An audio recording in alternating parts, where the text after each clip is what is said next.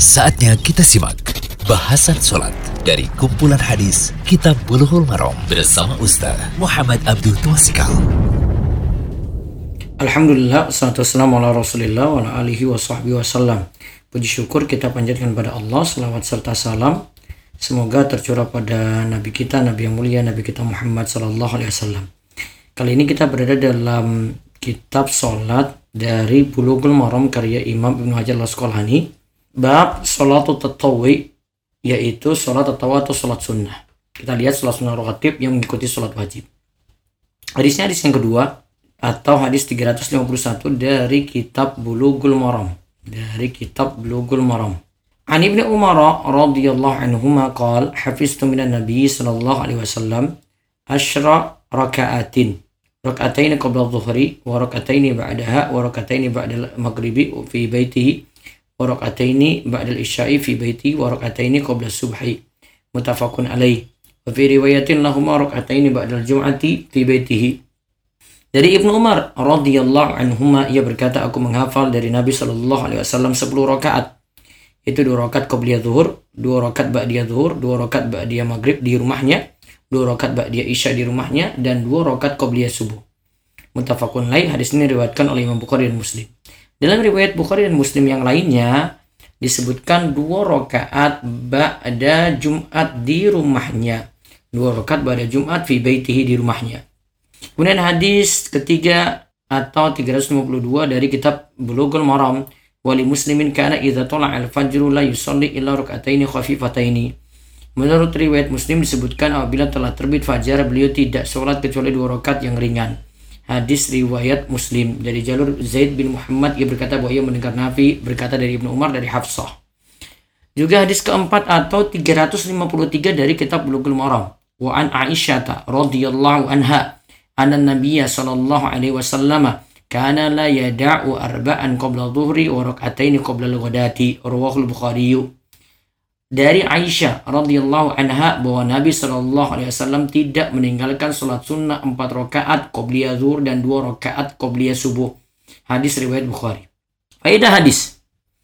Hadis ini menunjukkan, hadis ini jadi dalil mengenai anjuran melaksanakan salat rawatib yang disebutkan dalam hadis di atas, yaitu dua rakaat qobliyah zuhur, dua rakaat ba'diyah zuhur, dua rakaat ba'diyah Jumat, dua rakaat ba'diyah maghrib, dua rakaat ba'diyah isya, dan dua rakaat ringan qobliyah subuh. Menurut hitungan Ibnu Umar radhiyallahu anhuma salat rawatib itu ada 10 rakaat. Dua rakaat rawatib Jumat menggantikan salat sunnah rawatib zuhur. Di mana salat rawatib Jumat tidak diulangi tiap hari. Yang ketiga, Ibnu Umar radhiyallahu anhuma menghafalkan salat sunnah rawatib dari yang ia saksikan dari Nabi Shallallahu Alaihi Wasallam di masjid atau di rumah saudara Ibnu Umar yaitu Hafsah binti Umar yang menjadi istri dari Nabi Shallallahu Alaihi Wasallam atau beliau saksikan juga di tempat lainnya. Yang jelas Ibnu Umar bukan tinggal di rumah Nabi Shallallahu Alaihi Wasallam tetapi di rumah bapaknya yaitu Umar. Kemudian yang keempat hadis Ummu Habibah menunjukkan bahwa sunnah rawatib itu ada 12 rakaat dalam sehari. Faedahnya akan dibangunkan rumah di surga.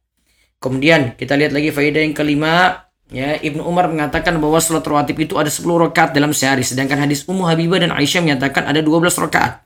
Kesimpulannya adalah kadang Nabi Shallallahu Alaihi Wasallam melakukan rawatib dalam sehari sebanyak 10 rakaat, kadang beliau melakukannya 12 rakaat. Kemudian keenam, hadis ini menunjukkan bahwa rawatib Jumat, Maghrib, dan Isya dilakukan di rumah. Itu lebih utama atau lebih afdol. Demikian pula sholat sunnah qobliyah subuh dilakukan oleh Nabi SAW di rumahnya dan sudah masyur seperti itu. Kemudian sholat sunnah rawatib zuhur juga di hadis lainnya menunjukkan kalau Nabi SAW melakukannya di rumah. Kemudian yang ketujuh, sholat sunnah di rumah memiliki keutamaan yang besar. Yaitu satu, menyempurnakan khusyuk, ikhlas, dan jauh dari dia. Dua, kebaikan yang banyak muncul di rumah, yaitu datang rahmat, jauh dari setan, pahala semakin banyak, ada pula suri toladan dalam sholat dalam hal sholat yang diberikan di rumah. Yang ketiga C, agar rumah tidak menjadi seperti kuburan. Itulah manfaat sholat sunnah di rumah ya. Yang keempat, mengikuti perintah D ya atau keempat, mengikuti perintah Rasulullah SAW yang melakukan sholat sunnah di rumah. Kemudian faedah kedelapan, Syekh Muhammad Az-Zuhaili berkata bahwa sholat sunnah malam afdolnya dilakukan di rumah dibandingkan di masjid. Afdolnya itu dilakukan di rumah daripada di masjid. Hal ini berbeda dengan sholat sunnah di siang hari. Ada ikhtilaf di dalamnya. Kemudian yang kesembilan, sholat ini disebut dengan sholat sunnah rawatib yang mengikuti sholat wajib. Hikmahnya adalah untuk menutupi kekurangan pada sholat wajib seperti kekurangan dalam hal usyuk, kurang dalam tadabur dan lainnya. Kesepuluh, sholat sunnah rawatib yang sepuluh rakaat dalam hadis Ibnu Umar disebut sholat rawatib muakkad. Ingat ya, ini sholat rawatib muakkad. Kemudian yang ke-11 yang paling utama adalah dari sholat rawatib yaitu sholat sunnah fajar atau qobliyah subuh itu paling utama. Kemudian yang ke-12 mengerjakan sholat sunnah selain qobliyah subuh di waktu subuh tidaklah makruh. Demikian pendapat dalam madhab syafi'i karena Nabi SAW tidak melarang. Terus yang ke-13 disunahkan mengerjakan sholat sunnah rawatib zuhur, qobliyah maupun ba'diyah masing-masing sebanyak 4 rakaat dengan pengerjaan setiap dua rakaat salam. Dan dalam pernyataan lainnya tentang sholat sunnah di rumah itu punya manfaat bumi jadi saksi pada hari kiamat. Mengerjakan sholat sunnah di rumah adalah supaya mendapat banyak saksi pada hari kiamat. Sebagaimana keutamaan ini disebut oleh Profesor Dr. Mustafa al dalam Al-Fiqh Al-Manhaji. Ketika menjelaskan amalan sunnah saya sudah sholat.